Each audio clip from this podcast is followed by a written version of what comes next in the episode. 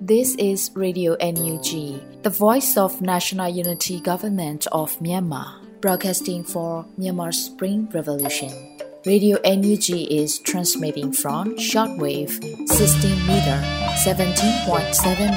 MHz at 8:30 a.m. and 25 meter 11.94 MHz at 8:30 p.m. Myanmar Standard Time. မင်္ဂလာပါရှင်။ မြို့သားညီညွတ်ရေးအစိုးရရဲ့အတန်လွှင့်ဌာန Radio NUG ကိုမနက်ပိုင်း၈နာရီခွဲမှာလိုင်းတူ16မီတာ19.89 MHz ညပိုင်း၈နာရီခွဲမှာလိုင်းတူ25မီတာ17.6 MHz တို့မှာဓာတ်ရိုက်ဖမ်းယူနိုင်စေနိုင်ပါရှင်။မင်္ဂလာအပေါင်းနဲ့ပြည့်စုံကြပါစေ။အခုချိန်ကစပြီး Radio NUG အစီအစဉ်လေးကိုဓာတ်ရိုက်အတန်လွှင့်ပေးနေပါပြီရှင်။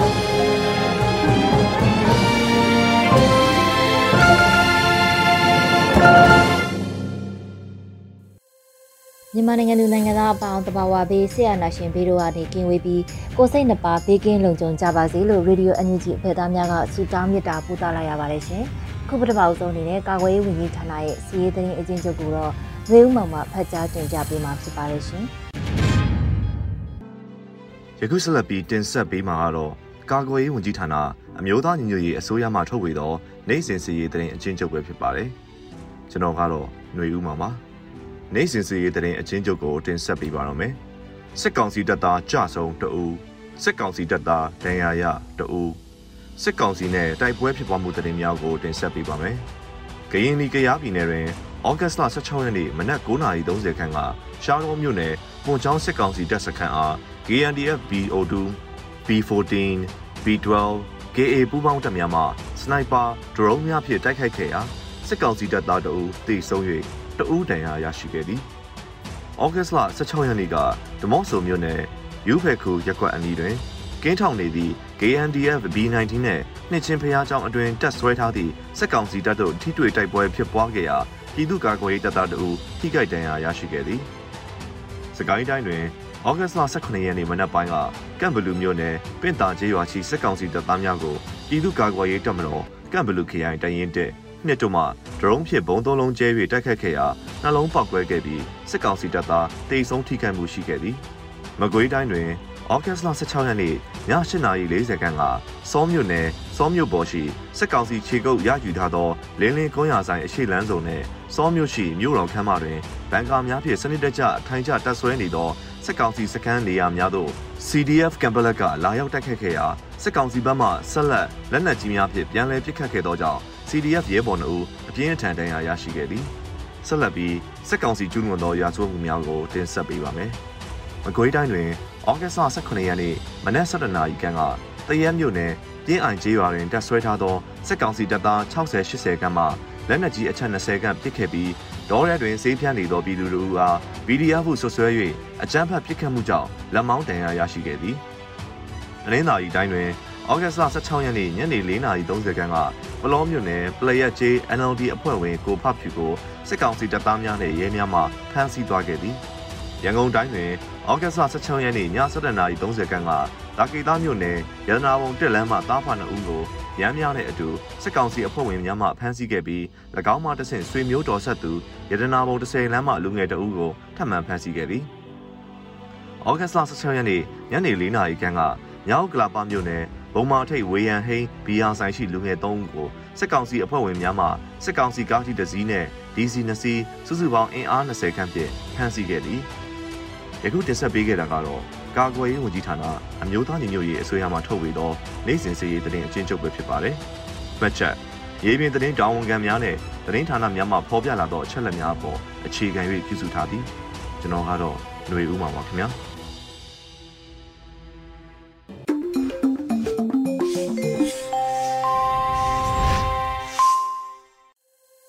ဆက်လက်ပြီး Radio NUG ရဲ့နောက်ဆုံးရသတင်းများကိုတော့ຫນွေဦးမိုင်မှတင်ပြပေးမှာဖြစ်ပါတယ်ရှင်။မင်္ဂလာမနက်ခင်းပါရှင်။အခုချိန်ကစပြီး Radio NUG ရဲ့မနက်ခင်းသတင်းများကိုတင်ပြပေးပါတော့မယ်။ကျမຫນွေဦးမိုင်ပါ။ပထမဆုံးຫນွေဦးတော်လှန်ရေးဟာအားလုံးအတွက်အနိုင်တက်ရမယ့်နောက်ဆုံးပွဲလို့ပြည်တော်စုဝင်ကြီးချုပ်မန်းဝင်းခိုင်တန်းပြောကြားတဲ့သတင်းကိုတင်ပြပေးပါမယ်။ ຫນွေဦးတော်လိုင်းဟာအားလုံးအတွက်အနိုင်တက်ရမယ့်နောက်ဆုံးပွဲလို့ပြည်ထောင်စုဝန်ကြီးချုပ်မန်ဝင်းခိုင်တန်းကဩဂတ်စ်လ16ရက်မှာကျင်းပတဲ့အစိုးရအဖွဲ့အစည်းအဝေးမှာပြည်ထောင်စုဝန်ကြီးချုပ်ကပြောကြားခဲ့ပါတယ်။ကျွန်တော်တို့အားလုံးကြုံတွေ့ဖြတ်တန်းခဲ့ကြရတဲ့1960 1980ခုနှစ်တွေစီကိုကျွန်တော်တို့နောင်မျိုးစစ်တွေကိုပြန်လဲခေါ်ဆောင်သွားဖို့ဆိုတာလုံးဝမဖြစ်သင့်တဲ့ကိစ္စတစ်ခုဖြစ်ပါတယ်။ကျွန်တော်တို့လည်းတပါတီအာနာရှင်စနစ်အောင်မှာနှစ်ပေါင်းများစွာမျက်စိပိတ် နားပိတ်နေခဲ့ကြရပြီးဒီမိုကရေစီအသီးပွင့်လင်းမြင့်တွေ့ရဖို့နှစ်ပေါင်းများစွာအသက်သွေးချွေးပေးဆက်ပြီးစ조사ခဲ့ကြတာမို့ဒီခရီးကရှိပေမဲ့ဆက်လက်စ조사ရှောက်လှမ်းရင်အောင်ပွဲစီသွားကြဖို့လိုအပ်ပါတယ်။ဒါဟာကျွန်တော်တို့အားလုံးအတွက်အနိုင်တက်ရမယ့်နောက်ဆုံးပွဲလည်းဖြစ်ပါတယ်လို့ဆိုပါတယ်။2021ခုနှစ်ဖေဖော်ဝါရီလ1ရက်နေ့မှာစစ်တပ်ကနိုင်ငံတော်အာဏာကိုသိမ်းယူခဲ့ပြီးနောက်စစ်အာဏာရှင်ဆန့်ကျင်လှုပ်ရှားမှုနဲ့အတူຫນွေဦးတော်လိုင်းဟာပေါ်ပေါက်ခဲ့ပါတယ်ရှင်။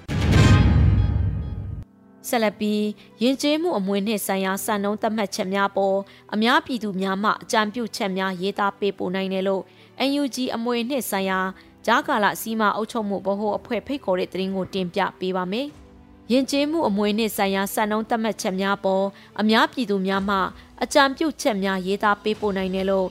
UNG အမွေနှင့်ဆိုင်ရာဂျာကာလာစီမာအုပ်ချုပ်မှုဗဟိုအဖွဲ့ကဖိတ်ခေါ်လိုက်ပါတယ်။ ဩဂတ်လ16ရက်မှာအမွေနှင့်ဆိုင်ရာဂျာကာလာစီမာအုပ်ချုပ်မှုဗဟိုအဖွဲ့အမျိုးသားညီညွတ်ရေးအစိုးရကအတည်ပြုကြေညာခဲ့ပါတယ်။ယခုကာလ၌ကျွန်ုပ်တို့၏အတိမရီမှန်းချက်သည်တော်လှန်ရေးအောင်မြင်ရန်ဖြစ်ပြီးထို့အတွက်ကြာရကာနာတွင်အင်တိုက်အားတိုက်ဆောင်ရွက်နေကြပါတယ်။အကြမ်းဖက်စစ်ကောင်စီစာနာမဲ့ကြေးရွာလိုက်မိတင်ရှုံမှုတာလွန်အင်အားစစ်ရေးဆောင်ရွက်မှုလေကြောင်းတိုက်ခိုက်မှုများကြောင့်အညာဒေသနဲ့တိုင်းသားဒေသများတွင်အသက်အိုးအိမ်နဲ့တူ၎ င်းတို့အမျက်တနိုးထားရအမွေနှင့်များဆုံးရှုံးပျက်စီးလက်ရှိရာအသက်လုံခြုံရေးသည်အတိကကာကွယ်လုပ်ငန်းဖြစ်တော်လဲအမွေနှင့်များဆုံးရှုံးနေမှုကိုလည်းမျက်ကွယ်မပြုဘဲအလေးထားကာကွယ်ဆောင်ရှောက်ရန်တာဝန်ရှိလာပါတယ်လို့ဆိုပါတယ်။ယခုရင်ဆိုင်နေရသည့်ပြိပခကာလတွင်စစ်ရေးကြောင့်တဘာဝအမွေနှင့်များပျက်စီးရတဲ့ကဲ့သို့အဖိုးတန်တဘာဝအရင်းမြစ်များကိုလည်းကျင့်ဝတ်မဲ့စီပွဲသမားများက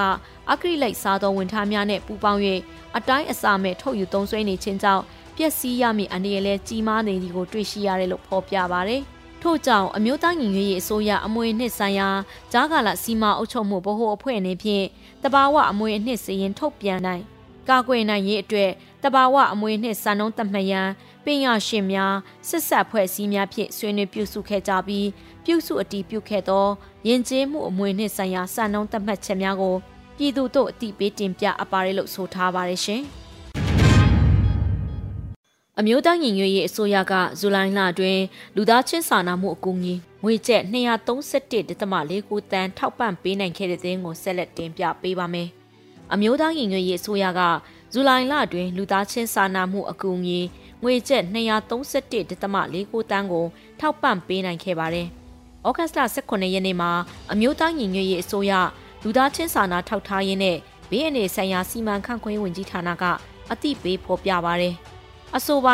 2022ခုနှစ်ဇူလိုင်လတွင်လူသားချင်းစာနာမှုအကူအညီငွေကျပ်231.49တန်းကိုထောက်ပံ့ပေးရတွင်စကိုင်းတိုင်းကရင်ပြည်နယ်နဲ့ပဲခူးတိုင်းဒေသကြီးတို့ကိုအများဆုံးထောက်ပံ့မှုပြုလုပ်နိုင်ခဲ့တယ်လို့သတင်းရရှိပါရယ်။ထောက်ပံ့မှုပြုလုပ်ရရင် နေရက်စွန့်ခွာထွက်ပြေးတင်းရှောင်သူများနဲ့စစ်ဘေးရှောင်များအတွက်130.25တန်းကြဆုံးသွားသူများနဲ့ထိခိုက်ဒဏ်ရာရသူများအတွက်21.93တန်း စီဒီယံဝန်ထမ်းများအတွက်15.16တန်းထိခိုက်လွယ်ပြည်သူများနဲ့မိသားစုဝင်များအတွက်40.21တန်းနိုင်ငံရေးအကျဉ်းသားများနဲ့မိသားစုဝင်များအတွက်10တန်းအထွေထွေလူသားချင်းစာနာမှုအကူအညီများအတွက်73.9ခွန်တာအသုံးပြုခဲ့ပါတယ်။အာနာသိန်းအကြံဖက်စစ်တပ်၏ထိုးစစ်ဆင်တိုက်ခိုက်မှုများကြောင့်ဘေးလွတ်မီဟုထင်သောနေရာများသို့ထွက်ပြေးခိုလုံနေကြရသည့်ပြည်သူများတော်လှန်ရေး၌ပါဝင်ရင်းထိခိုက်ဒဏ်ရာရရှိသူများနဲ့ အသက်ဆုံးရှုံးရသူများ၏မိသားစုဝင်များအကူအငယ်လိုအပ်နေသောမတန်ဆွမ်းများအပါအဝင်ထိခိုက်လွယ်အုပ်စုများနိုင်ငံရေးအကျဉ်းသားများနဲ့အကြောင်းကိစ္စမျိုးမျိုးကြောင့်လူသားချင်းစာနာမှုအကူအညီလိုအပ်သူများကိုအမျိုးသားညီညွတ်ရေးအစိုးရလူသားချင်းစာနာထောက်ထားရေးနဲ့ဘေးအနေဆိုင်ရာစီမံခန့်ခွဲဝင်ကြီးဌာနကမိဖက်အသီးသီးနဲ့လက်တွဲချိတ်ဆက်၍အတက်နိုင်ဆုံးမြေပြင်အထိရောက်အောင်စ조사ပံ့ပိုးကူညီပေးလက်ရှိပါရရှင် ဆက်လက်ပြီးအကြမ်းဖက်အာဏာလူစက်ကောင်စီထံမှနိုင်ငံရေးပင်စင်ထုတ်တဲ့သူတွေဟာကိုကျိုးရှာအတတ်သမားတွေလို့ NLD ပါတီဗဟိုအလုပ်ကော်မတီဝင်ဦးထုမြင့်ပြောကြားတဲ့သတင်းကိုတင်ပြပေးပါမယ်။အကြမ်းဖက်အာဏာလူစစ်ကောင်စီထံမှနိုင်ငံရေးပင်စင်ထုတ်တဲ့သူတွေဟာကိုကျိုးရှာအတ္တသမားတွေလို့ NLD ပါတီဗဟိုအလုပ်ကော်မတီဝင်ဦးထွန်းမြင့်ကပြောကြားလိုက်ပါတယ်။ ဩဂတ်စ်လ16ရက်မှာ NLD ပါတီဗဟိုအလုပ်ကော်မတီ CWC မှဦးထွန်းမြင့်ကလူမှုကွန်ရက်မှာရေးသားပြောကြားခဲ့ပါတယ်။ဒီလိုအချိန်ဒီလိုအခြေအနေမျိုးမှာကိုရပိုက်ခွင့်ဆိုပြီးအကြမ်းဖက်အာဏာလူစစ်ကောင်စီထံမှနိုင်ငံရေးပင်စင်ထုတ်တဲ့သူတွေဟာကိုကျိုးသမားအတ္တသမားအချောင်သမားတော်လှန်ရေးနဲ့ပြည်သူအပေါ်မှာတစ္ဆာဖောက်မျက်ကွယ်ပြုပြီးဘယ်သူတည်တည်ငါတင်မာလင်ပြီးရောဆိုတဲ့လူငနွားတွေသာဖြစ်တယ်လို့ဆိုပါတယ်။အဆိုပါနိုင်ငံရေးပင်စင်ကို လူ200ကျော်ထုတ်ပေးခဲ့လို့အကြမ်းဖက်စစ်ကောင်စီတပ်ကကြေညာခဲ့ပါရရှင်။ပြည်သူ့ကုံရီ UK ဌာနခွဲမှာတော်လှန်ရေးရန်ပုံငွေဈေးရောင်းပွဲနဲ့ကောက်တီးရိုက်ပြိုင်ပွဲကျင်းပမယ့်တရင်ကိုဆက်လက်တင်ပြပေးပါမယ်။ပြည်သူ့ကုံရီ UK ဌာနခွဲမှာတော်လှန်ရေးရန်ပုံငွေဈေးရောင်းပွဲနဲ့ကောက်တီးရိုက်ပြိုင်ပွဲကျင်းပမယ်လို့တင်ရရှိပါရယ်။ပြည်သူ့ကုံရေး UK ဌာနခွဲနဲ့ Gurkha Society of Myanmar UK မှဦးဆောင်၍တော်လှန်ရေးရန်ပုံငွေပြည်သူ့ကုံရေး UK ဖလားကောက်တီရိုက်ပြိုင်ပွဲကိုဩဂတ်စ်လ28ရက်နေ့မှာကျင်းပမှာဖြစ်ပါတယ်။ဒီပွဲဟာတော်လှန်ရေးကိုတတောင့်တနေရာကနေအားပေးကူညီရန်နဲ့မြန်မာပြည်ဖွာမိသားစုဝင်တွေထဲမှကောက်တီအကစားမှဒီတော်လှန်ရေးစီတို့ရည်ရွယ်ချက်ဖြင့်တော်လှန်ရေးရန်ပုံငွေဈေးအောင်ပွဲနဲ့ကောက်တီရိုက်ပြိုင်ပွဲကိုကျင်းပရခြင်းဖြစ်ပါတယ်။နေ့လယ်ပဲတွင်ကြာရောက်လာသောပြည်သူများကို ကိုမင်းမော်ဝင်းမှအွန်လိုင်းကတဆင့် live တခြင်းတီးဆိုဖျော်ဖြေပေးမှဖြစ်ပြီး UK အခြေစိုက် FR များမှအစားအသောက်များရောင်းချပေးမှဖြစ်ပါတယ်ရှင်။ဆက်လက်ပြီးစင်အကောင်30ကျော်ထိန်းထားတဲ့ CDM စင်ဦးစီးများနဲ့လူတရာကျော်အတွက်အများပြည်သူထောက်ပံ့ထားမှုကို KLG PDF ကြောက်လုံးကြီးကတစင်လှူဒန်းတဲ့တရင်ကိုတင်ပြပေးပါမယ်။ စင်အကောင်30ကျော်ထိန်းထားတဲ့ CDM စင်ဦးစီးများနဲ့လူတရာကျော်အတွက်အများပြည်သူထောက်ပံ့ထားမှုကို KLG PDF ကြောက်လုံးကြီးကတစင်လှူဒန်းခဲ့ပါတယ်။ဩဂတ်စ်လ19ရက်မှာ KLG PDF ကြောက်လုံးကြီးကဖော်ပြပါတယ်။စင်ကောင်ရင်35ကောင်အားစောင့်ရှောက်နေကြသော CDM ဝင်ထားသည့်စင်ဦးစီးမိသားစု33စု လူဦးရေ119ယောက်အတွက်အများပြည်သူများ၏စေတနာဖြင့်လှူဒန်းထားသောစံတင်80ကျော်ပိတ်ဆန်31သိန်း62,2900ကျပ်နှင့်စီစားအစာရှိသည်များကို KLGPDF ကျောင်းလုံးကြီးကတဆင့်စင်ဦးစီးမိသားစုများထံတွားရောက်ပေးအပ်ခဲ့ပါတယ်လို့ဆိုပါတယ်။ KLGPDF ကျောက်လုံးကြီးဟာစစ်အာဏာရှင်စနစ်ကိုခုခံတွန်းလှန်နေတဲ့တော်လှန်ရေးအင်အားစုလည်းဖြစ်ပါတယ်ရှင်။ ဆက်လက်ပြီးမြိုင်မြို့နယ်အတွင်းယမန်နေ့ကမိုင်းခွဲသောနေရာများတွားရောက်စစ်ဆေးရာစစ်ကောင်စီတပ်ရဲ့ကြီးများနဲ့အုံဆောင်များရရှိခဲ့လို့မြိုင်ပကပထုတ်ပြန်လိုက်တဲ့သတင်းကိုတင်ပြပေးပါမယ်။မြိုင်မြို့နယ်အတွင်းယမန်နေ့ကမိုင်းခွဲသောနေရာတွားရောက်စစ်ဆေးရာစစ်ကောင်စီတပ်ရဲ့ကြီးများနဲ့အုံဆောင်များရရှိခဲ့လို့မြိုင်ပကပခတုံ့ပြန်ပါတယ်။ဩဂတ်စ်လ18ရက်မှာစစ်ရေးတရင်ကိုမြိုင်ပကဖကဆိုပါတယ်။မြိုင်မြို့နယ်ပြည်သူ့ကာကွယ်တပ်ဖွဲ့သည် ယမန်နေ့ကစစ်ခွေးများအားမိုင်းခွဲသောနေရာသို့တွားရောက်စစ်ဆေးခဲ့ရာကြီးများနဲ့အုံဆောင်များရရှိခဲ့ပါတယ်လို့ဆိုပါတယ်။ထပ်မံရရှိသောသတင်းများအရစစ်ကောင်စီတပ်များဟာရှစ်ယောက်တေဆုံးခဲ့ပြီးပြင်းထန်သောနှစ်ယောက်အားဖောကာလာရောက်တေဆောင်သွားကြောင်းသတင်းရရှိပါရရှင်။ဆက်လက်ပြီးဒဇယ်မြို့နယ်ကံပေါက်ကျေးရွာနဲ့တဲကုန်းကျောင်းအနီးစစ်ကောင်စီတပ်ကို MDF ဒဇယ်တိုက်ကာနဲ့မဟာမိတ် PDF တရင်များမှစီးကြိုတိုက်ခိုက်တဲ့သတင်းကိုတင်ပြပေးပါမယ်။ ဒဇယ်မြို့နယ်ကံပေါက်ကျေးရွာနဲ့တဲကုန်းကျောင်းအနီးစစ်ကောင်စီတပ်ကို MDF ဒဇယ်တိုင်ဂါနဲ့မဟာမိတ် PDF တပ်ရင်းများမှစီးကြိုတိုက်ခိုက်ခဲ့ပါတယ်။ဩဂတ်စ်လ18ရက်မနက်10:30အချိန်မှာဒဇယ်မြို့နယ်ကံပေါက်ကျေးရွာနဲ့တဲကုန်းကျောင်းအနီးမှာထိတွေ့ပစ်ခတ်ခဲ့တာလို့ဆိုပါတယ်။ဒဇယ်မြို့နယ်ကံပေါက်ကျေးရွာနဲ့တဲကုန်းကျောင်းအနီးတွင် MDF ဒဇယ်တိုင်ဂါနဲ့မဟာမိတ် PDF တပ်ရင်းများမှစစ်ကောင်စီစစ်ကြောင်းကိုတံပြန်ထိုးစစ်ဆင်တိုက်ခိုက်ခဲ့ပါတယ်လို့ဆိုပါတယ်။ အဆိုပါစစ်ကောင်စီစစ်ကြောင်းသည်ကံပေါက်ကျေးရွာနောက်ဖက်သို့ထိုးဆက်ဆင်းလာခြင်းဖြစ်ပြီး MDF တရဲတိုက်ကတက်ရင်နဲ့မဟာမိတ် PDF တက်ရင်များဖြစ်ကြသောဒဇယ်တက်ရင်6 SAF မန်လေးတက်ရင်နဲ့ဒဇယ်ပကဖတို့မှစီးကြိုတိုက်ခတ်ခဲ့ခြင်းဖြစ်ပါတယ်စစ်ကောင်စီစစ်ကြောင်းကိုတံပြန်ထိုးစစ်ဆင်နေသောတိုက်ပွဲတွင်အခြေအနေများအရစစ်ကောင်စီဘက်ကတေဆုံးမှုများပြားလက်ရှိရလို့ဆိုပါရရှင်။ အရာတော်မြို့နယ်ကကြေးရွာမြတ်ကိုစက်ကောင်စီတပ်များဝင်ရောက်မှွေနောက်ဖျက်ဆီးတဲ့တင်းကိုဆက်လက်တင်ပြပေးပါမယ်။စကိုင်းတိုင်းအရာတော်မြို့နယ်ကကြေးရွာများကိုစက်ကောင်စီတပ်များဝင်ရောက်မှွေနောက်ဖျက်ဆီးခဲ့ပါတယ်။ဩဂတ်လ19ရက်မှာလက်စီမိုးကျိုးမုံတိုင်းအဖွဲ့ကတီးပြုတ်ပြောပါတယ်စစ်ကောင်စီတပ်များအရာတော်မြောက်ပိုင်းကိုင်းရွာရွာသစ်နေရခင်းကျေးရွာများမှာဝင်းရောက်မှွေနောက်ဖျက်ဆီးသွားပါတယ်လို့ဆိုပါတယ်ကျေးရွာများအတွင်လူနေအိမ်နဲ့ဈေးဆိုင်များကိုဖျက်ဆီးခဲ့ပြီး ရွာများမှာဒေတာခံများရွာလုံးကျွတ်ထွက်ပြေးတင်းရှောင်ခဲ့ပါတယ်ရှင်အခုတင်ပြပေးခဲ့တဲ့သတင်းတွေကိုတော့ Radio UNG သတင်းထောက်မင်းမင်းကပေးပို့ထားတာဖြစ်ပါတယ်ရှင်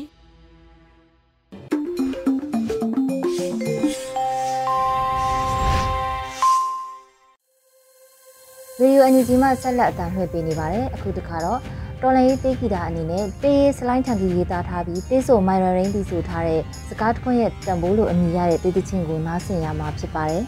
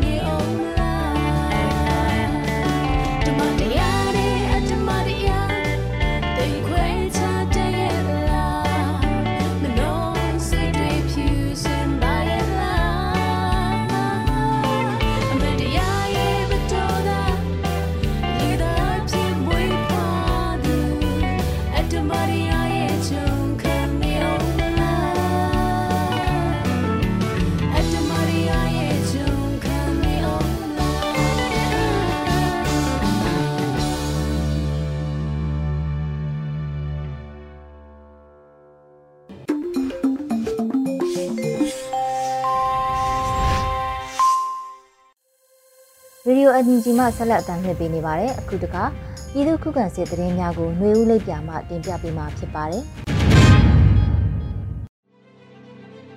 ပထမဦးစွာပလဲမြို့လေကောင်ရှိစစ်တပ်တဆွဲအခြေချထားသောအထွေထွေအုပ်ချုပ်ရေးမှူးရုံးကိုမဟာမိတ်တပ်ပေါင်းစုဝင်ရောက်ပစ်ခတ်တဲ့တဲ့တင်ဆက်ပါမယ်။ စကိုင်းတိုင်းပလဲမြို့နယ်မြို့လေကောင်ရှိစစ်တပ်တဆွဲအခြေချထားသောအထွေထွေအုပ်ချုပ်ရေးမှူးရုံးကို PDF မဟာမိတ်တပ်ပေါင်းစုကယနေ့နနက်ပိုင်းတွင်ဝင်ရောက်ပစ်ခတ်ခဲ့ကြောင်း PDF များထံမှသိရှိရပါသည်။ဩဂုတ်လ16ရက်နေ့နနက်9:00နာရီအချိန်ပလဲမြို့မြို့လေကောင်ထွေအုပ်ရုံးကို Southern YSO PDF နှင့်မဟာမိတ်နေခံရင်းမာပင်ခိုင်ပလဲတရင်လေး Downnet PDF PKU North PDF မြေပြန့်ကြား PDF နှင့်မုတ်ဆိုးလေး PDF တို့တိုက်ခိုက်ခဲ့ကြောင်းမြို့လေကောင်ထိအနီးကချင်းကပ်ပြီးစစ်တနက်များလက်နက်ကြီးလက်နက်ငယ်များ40မမလက်နက်များအီနာဂါများဖြင့်တွားရောက်ပစ်ခတ်ပြီးစစ်ဆေးရေးပြုလုပ်ခဲ့ကြောင်း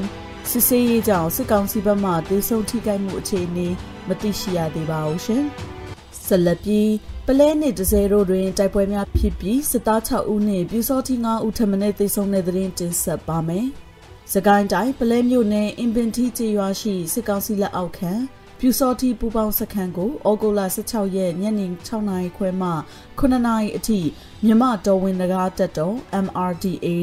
တရင်လေးကလက်နက်ကြီး35လုံးနှင့်တွားရောက်ပစ်ခတ်ခဲ့ရာပြူစောတိစခန်းမှာအနည်းဆုံး9ဦးသေသွားကြောင်းမြမတော်ဝင်နဂါတက်တော် MRDA ကသတင်းထုတ်ပြန်ပါတယ်။ ရင်းတိုက်ခိုက်မှုကိုတရင်အနေနဲ့ MRD တရင်လေးဖြစ်ပြီး MOD တရင်အနေဖြင့်ရင်းမာပင်ခိုင်အမှတ်6တရင် MRD မှပြုလုပ်ခဲ့ခြင်းဖြစ်ကြောင်းတိုက်ခိုက်မှုတွေမြန်မာတော်ဝင်နဂါတတော် MRD မှထိခိုက်ထိုင်ရမရှိဘဲဘေးကင်းစွာဆုတ်ခွာနိုင်ခဲ့ကြောင်းဘိုးနဂါဦးဆောင်သည့်မြန်မာတော်ဝင်နဂါတက်တော် MRD တွင်တရင်လေးရင်ရှိပြီးရင်းမာပင်ခိုင်တရင်အမှတ်3အမှတ်4အမှတ်5အမှတ်6ထုတ်ဖြစ်ခါ တရင်အလုံးသည်ကာကွယ်ရေးဝန်ကြီးဌာန MODE COC နှင့်အတူလှုပ်ဆောင်လျက်ရှိပါတယ်။နောက်ဆုံးအနေနဲ့မောင်းတောမြောက်ပိုင်းတွင် AA နှင့်စစ်ကောင်စီတို့တိုက်ပွဲအပြင်းထန်ထပ်မံဖြစ်ပွားတဲ့သတင်းတင်ဆက်ပါမယ်။မောင်းတောမြို့နယ်မြောက်ပိုင်းဝေလာတောင်ပေါ်တွင်ယနေ့ဩဂုတ်လ16ရက်နေ့နနက်၈နာရီအချိန်ခန့်ကစတင်ကနေ့လယ်အချိန်အထိရခိုင်တပ်တော် AA နှင့်စစ်ကောင်စီတပ်တို့တိုက်ပွဲအပြင်းထန်ဖြစ်ပွားခဲ့ကြောင်းဒေသခံများကပြောပါရယ်။ တိုက်ပွဲအတွင်းစစ်ကောင်စီတပ်မှလက်နက်ကြီးလက်နက်ငယ်များဖြင့်ပစ်ခတ်ခဲ့သည်ဟုအမည်ဖော်လိုသည့်မိတိုက်ကျေးရွာသားတဦးကဆိုပါတယ်။၎င်းတိုက်ပွဲဖြစ်ပွားရာနေရာသို့တောင်ပြိုရာနေချဆောင်စခန်းမှလက်နက်ကြီးများယနေ့ညည၄နာရီအထိမကြာခဏလက်နက်ကြီးများဖြင့်ပစ်ကူပေးနေကြောင်းတင်မောလှကျေးရွာသားတဦးကပြောပါတယ်။ယနေ့တိုက်ပွဲဖြစ်ပွားမှုနှင့်ပတ်သက်၍ရခိုင်တပ်တော် AA ဘက်ကတစုံတရာထုတ်ပြန်သေးခြင်းမရှိသလို စစ်ကောင်စီဘက်ကလည်းထုတ်ပြန်သေးခြင်းမရှိသေးပါဘူး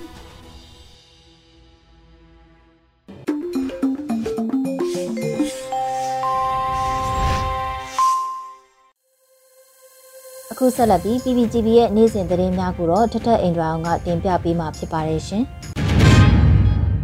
အခုချိန်ကစပြီး PPTV သတင်းတွေကိုတင်ဆက်ပြီးတော့မှာပါ။ကျွန်မထထအင်ဒရာအောင်ပါ။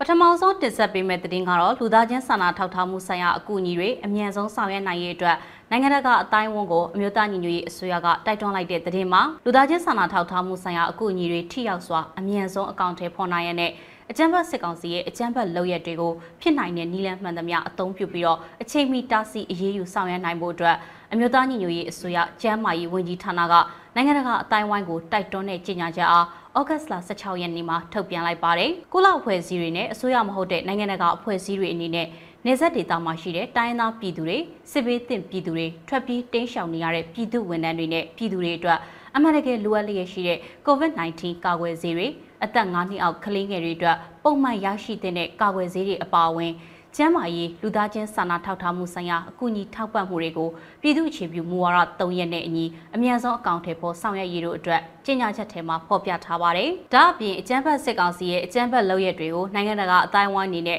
ဖြစ်နိုင်တဲ့နီးလန်းမှန်သမျှကိုအသုံးပြုပြီးတော့အချိန်မီထိရောက်စွာတားဆီးအရေးယူဖို့တိုက်တွန်းတယ်လို့ထုတ်ပြန်ချက်မှာဖော်ပြထားပါတယ်။ဆရာနာသိမ်းပြီးနောက်ပိုင်းကျန်းမာရေးလှုပ်သားတွေစေယုံစေကံတွေ လူနာတင်ရင်ဒီအပါဝင်ကျန်းမာရေးစောင့်ရှောက်မှုလုပ်ငန်းတွေပေါ်အကြမ်းဖက်စစ်ကောင်စီရဲ့အကြမ်းဖက်တိုက်ခိုက်မှုတွေပေါ်ကမ္ဘာ့ကျန်းမာရေးအဖွဲ့ WHO ကနှုတ်ဆက်မနေရန်ဖို့နဲ့မြန်မာကျန်းမာရေးလုပ်သားတွေကိုအကာအကွယ်ပေးရေးကမ္ဘာ့ကျန်းမာရေးအဖွဲ့ WHO ထံစာနဲ့အချင်းချင်းဆက်သွယ်အသိပေးတောင်းဆိုခဲ့ပြီးဖြစ်တယ်လို့လည်းဆက်လက်ဖော်ပြထားပါတယ်။အာနာသိမ့်ပြီးတနေ့အတွင်းအသက်တစ်နှစ်အောက်ကလေးဦးရေကိုသိန်းခွဲရဲ့တဝက်ကျော်ဟာပုံမှန်ကာကွယ်ဆေးတွေအပြည့်အဝထိုးနှံနိုင်ခြင်းမရှိဘူးဆိုတာနဲ့ တိုင်းသားဒေသတွေအပါအဝင်မြန်မာနိုင်ငံအနှံ့အပြားကအသက်9နှစ်အောက်ကလေးငယ်တွေဟာပုံမှန်ရရှိတဲ့ကာကွယ်ဆေးတွေမရရှိကြဘဲကာဝယ်ဆေးနဲ့ကာဝယ်နိုင်မဲ့ယောဂါတွေဖြစ်ပွားနိုင်တဲ့အန်ဒီရတွေနဲ့ရင်ဆိုင်နေရတယ်လို့လည်းကျန်းမာရေးဝန်ကြီးဌာနကထုတ်ပြန်ကြေညာချက်မှာဖော်ပြထားပါတယ်။ ဆလတ်တင်ဆက်ပေးမှာကတော့ကုလသမဂ္ဂအထွေထွေအတွင်းမှုချုပ်မြန်မာနိုင်ငံဆိုင်ရာအထူးကိုယ်စားလှယ်ရဲ့မြန်မာနိုင်ငံခီးစဉ်ပေါ်ကိုအမျိုးသားညီညွတ်ရေးအစိုးရကကြေညာချက်ထုတ်ပြန်လိုက်တဲ့ဆိုတဲ့သတင်းမှာကုလအထွေထွေအတွင်းမှုချုပ်မြန်မာနိုင်ငံဆိုင်ရာအထူးကိုယ်စားလှယ် Mrs. Nolan Heza ရဲ့မြန်မာနိုင်ငံခီးစဉ်ပေါ်အမျိုးသားညီညွတ်ရေးအစိုးရနိုင်ငံညာရေးဝန်ကြီးဌာနကဩဂတ်စ်လ16ရက်ရက်စွဲနဲ့ကြေညာချက်ထုတ်ပြန်လိုက်တာပါထုတ်ပြန်ချက်ထဲမှာအထူးကိုယ်စားလှယ်လာရောက်မဲ့ခီးစဉ်ကသူမရဲ့လုတ်ပိုင်ခွင့်အတွင်းမှာရှိတဲ့ဦးစားပေးကဏ္ဍတွေနဲ့ တနေ့တခြားဆိုးရွားလာတဲ့အခြေအနေနဲ့အရေးပေါ်ဆောင်ရွက်ရမယ့်ကိစ္စရပ်တွေကိုကင်တွယ်ဖြေရှင်းပေးဖို့ကုလလုံခြုံရေးကောင်စီကတောင်းဆိုထားတဲ့မြန်မာနိုင်ငံအတွင်းအကြမ်းဖက်မှုပုံစံအလုံးကိုရပ်တန့်ရေးလူသားချင်းစာနာထောက်ထားမှုဆိုင်ရာအကူအညီတွေအတားအဆီးမရှိဝင်ရောက်နိုင်ရေးတို့အားထပ်မံတောင်းဆိုရန်တို့ဖြစ်တဲ့ဆိုပြီးဖော်ပြထားပါတယ်။အထူးကိုယ်စားလှယ်ရဲ့ခီးစဉ်ကြီးညာတဲ့နေ့မှာပဲတရားမဝင်အကြမ်းဖက်စေအုပ်စုကနိုင်ငံတော်ရဲ့အတိုင်ပင်ခံပုဂ္ဂိုလ်ဒေါအောင်ဆန်းစုကြည်အား ထတ်တိုးထောင်တိုင်6နှစ်မတရားသဖြင့်ချမှတ်ခဲ့တယ်လို့ဖော်ပြထားပါတယ်။ကုလလုံခြုံရေးကောင်စီနဲ့အထွေထွေညီလာခံတို့ကအကြိမ်ကြိမ်ရှုတ်ချခဲ့တဲ့အတိုင်းအကြမ်းဖက်စေအုပ်စုကနိုင်ငံတော်ရဲ့အတိုင်ပင်ခံပုဂ္ဂိုလ်အားအခုလိုမတရားသဖြင့်ဆက်လက်အကျဉ်းချထားခြင်းပင်ဖြစ်တယ်လို့နိုင်ငံရေးဝန်ကြီးဌာနကထောက်ပြထားပါတယ်။ခုလိုအခြေအနေမျိုးမှာတိုက်ဆိုင်မှုမရှိဘူးဆိုတာနဲ့အကြမ်းဖက်စေအုပ်စုရဲ့လုပ်ရက်ကကုလကိုတမင်တကာရန်စတဲ့လုပ်ရက်ဖြစ်ပြီးတော့မြန်မာနိုင်ငံရဲ့ဒီမိုကရေစီနှိကျရွေးချယ်တင်မြှောက်ထားတဲ့ခေါင်းဆောင်တွေနဲ့၎ င်းတို့ရဲ့တရားဝင်အစိုးရနဲ့ထိတွေ့ဆက်ဆံရန်အထူးကိုယ်စားလှယ်ရဲ့ကြိုးပမ်းမှုမှန်သမျှကလျင်မြန်စွာလက်တုပ်ပြန်ခြင်းခံရမယ်ဆိုတဲ့အဓိပ္ပာယ်ရတဲ့ဓာတ်ရိုက်ချင်းချမှုတရက်လည်းဖြစ်တယ်လို့နိုင်ငံရေးဝန်ကြီးဌာနကဆိုပါတယ်။ဒါ့အပြင်အကြမ်းဖက်စီအုပ်စုကအာဆီယံဥက္ကဋ္ဌရဲ့လူသိရှင်ကြားတောင်းဆိုခဲ့မှုရရှိခဲ့တဲ့ခြားကပဲ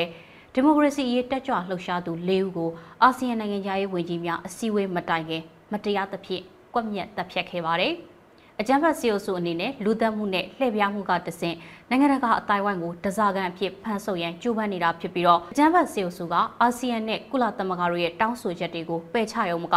အကြမ်းဖက်လုပ်ရက်တွေကိုအခုထပ်ပုံမှုပြီးတိုးမြင့်လှုံ့ဆော်ရန်ရည်ရွယ်လျက်ရှိတယ်လို့လည်းဆိုပါတယ်။အထူးကိုယ်စားလှယ်ရဲ့ခီးစဉ်ကအကြမ်းဖက်စီအုပ်စုရဲ့အကြမ်းဖက်လုပ်ရက်တွေအဆုံးသတ်ရေးကိုဦးတည်ရမယ်အပြင်အကြမ်းဖက်စီအုပ်စုအနေနဲ့ထောက်ပံ့ကူညီမှုတွေကိုလက်နက်တပွဲအသုံးချနေတာနဲ့နိုင်ငံရေးချင်းသားတွေအားနှိပ်စက်ညှဉ်းပန်းတာ ပြစ်ဒဏ်ပေးတာတို့အားအဆုံးသတ်ရန်ဆောင်ရွက်ရမှာဖြစ်ပါတယ်။ဒါအပြင်ဒေတာရဲငြိမ်းချမ်းရေးနဲ့လုံခြုံရေးကိုမတိမငြိမ်ဖြစ်စေတဲ့အကြမ်းဖက်စီအုပ်စုကလှုံ့ဆော်လျက်ရှိတဲ့ပြဿနာအချက်တဲတွေကိုလည်းပြစ်မှတ်ထားဖြေရှင်းရမှာဖြစ်ပြီးတော့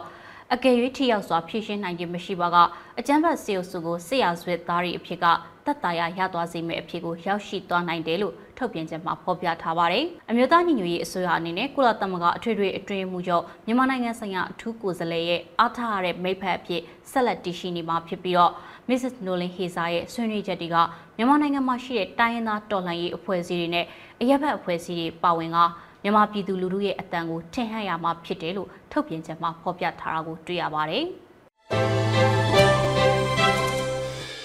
ဆလတ်တင်ဆက်ပေးမှာကတော့သခိုင်းတိုင်းအတွင်းမှာပကဖတွေကိုမန္တလေးနဲ့မုံရွာတပိတ်ဦးဆောင်သူတွေကနိုင်ငံရေးအသည့်တွေပို့ချပေးနေတဲ့ဆိုတဲ့သတင်းမှာသခိုင်းတိုင်းအတွင်းကကြီးရွာတွေမှာပြည်သူ့ကာကွယ်ရေးတပ်ဖွဲ့ပကဖရဲဘော်တွေကိုမန္တလေးနဲ့မုံရွာတပိတ်ဦးဆောင်သူတွေကဩဂတ်လ16ရက်မှာနိုင်ငံရေးအသီးတွေပို့ချခဲ့တယ်လို့မန္တလေးတပိတ်ဦးဆောင်သူမအေးမြင့်အောင်အောင်ကအသိပေးထားပါတယ်။ဒီတစ်ခေါက်မှာလည်းကျွန်တော်တို့အဖွဲ့တွေကိုကြေးရွာတရွာကပကဖအဖွဲ့တစ်ဖွဲ့ကလာရောက်ဖိတ်ကြားတဲ့အတွက်နိုင်ငံရေးအသီးပို့ချခဲ့ပါတယ်။ မွန်ရသပိတ်ဦးဆောင်သူကိုခန့်ဝေဖြိုးကလည်းလာရောက်ပြီးတော့တော်လိုင်းရေးမှာစစ်ရေးနိုင်ငံရေးဟန်ချက်ညီညီတွဲသွားပုံတွေကိုဦးဆောင်ပို့ချခဲ့ပါတယ်လို့မတ်အင်းမြင့်အောင်အောင်ကပြောပါတယ်။ဒါအပြင်နိုင်ငံရေးအသည့်ပို့ချမှုကအချိန်တရက်ပဲရခဲ့တဲ့အတွက်အခြေခံသဘောတရားတွေတော့သာပို့ချနိုင်ခဲ့တယ်လို့ဆိုထားပြီးတော့ အသိပညာနဲ့တော်လှန်တဲ့တော်လှန်ရေးတရက်ဖြစ်ရမယ်လို့ဆိုပြီးလဲပြောကြားထားပါတယ်။အမျိုးသားညီညွတ်ရေးအစိုးရရဲ့စိုးမျိုးနယ်မြေတွေအတွင်းမှာဂျာကာလာအုပ်ချုပ်ရေးရန်တရားတွေလက်ပတ်နေတာနဲ့အတူတပိတ်ကော်မတီဝင်တွေကလည်းပြည်သူ့ကာကွယ်ရေးတပ်ဖွဲ့တွေကိုဖက်ဒရယ်နဲ့ပတ်သက်တဲ့နိုင်ငံရေးတင်ဒဏ်တွေပို့ချနေပါတယ်။ကျေးဇူးတင်ပါတယ်ရှင်။ဒီကနေ့ကတော့ဒီညနဲ့ပဲ Radio NUG ရဲ့အစီအစဉ်လေးကိုခਿੱတရနာလိုက်ပါမယ်ရှင်။ မြမစံတော်ချိန်မနက်၈နာရီခွဲနဲ့ည၈နာရီခွဲအချိန်တွေမှာပြန်လည်ဆုံတွေ့ကြပါစို့။ Radio NUG ကိုမနက်ပိုင်း၈နာရီခွဲမှာလိုင်းတူ16မီတာ17.8 MHz ညပိုင်း၈နာရီခွဲမှာလိုင်းတူ25မီတာ17.6 MHz တို့မှာဓာတ်ရိုက်ဖမ်းလို့နိုင်စေနိုင်ပါပြီ။မြန်မာနိုင်ငံသူနိုင်ငံသားတွေကိုစိတ်နှပြကျန်းမာချမ်းသာလို့ဘေးကင်းလုံခြုံကြပါစေလို့ Radio NUG အဖွဲ့သူဖွဲ့သားတွေကဆုတောင်းမေတ္တာပို့သလိုက်ရပါတယ် ရှင်။မြေသားညီမတွေအစိုးရရဲ့စက်သွေးရေးသတင်းအချက်အလက်နဲ့လူပညာဝန်ကြီးဌာနကထုတ်လွှင့်နေတဲ့ Radio NUG ဖြစ်ပါတယ်။ San Francisco Bay Area အခြေစိုက်မြန်မာမိသားစုတွေနဲ့နိုင်ငံတကာကစေတနာရှင်လို့အားပေးနေတဲ့ Radio NUG ဖြစ်ပါတယ်။အရေးတော်ပုံအောင်ရမည်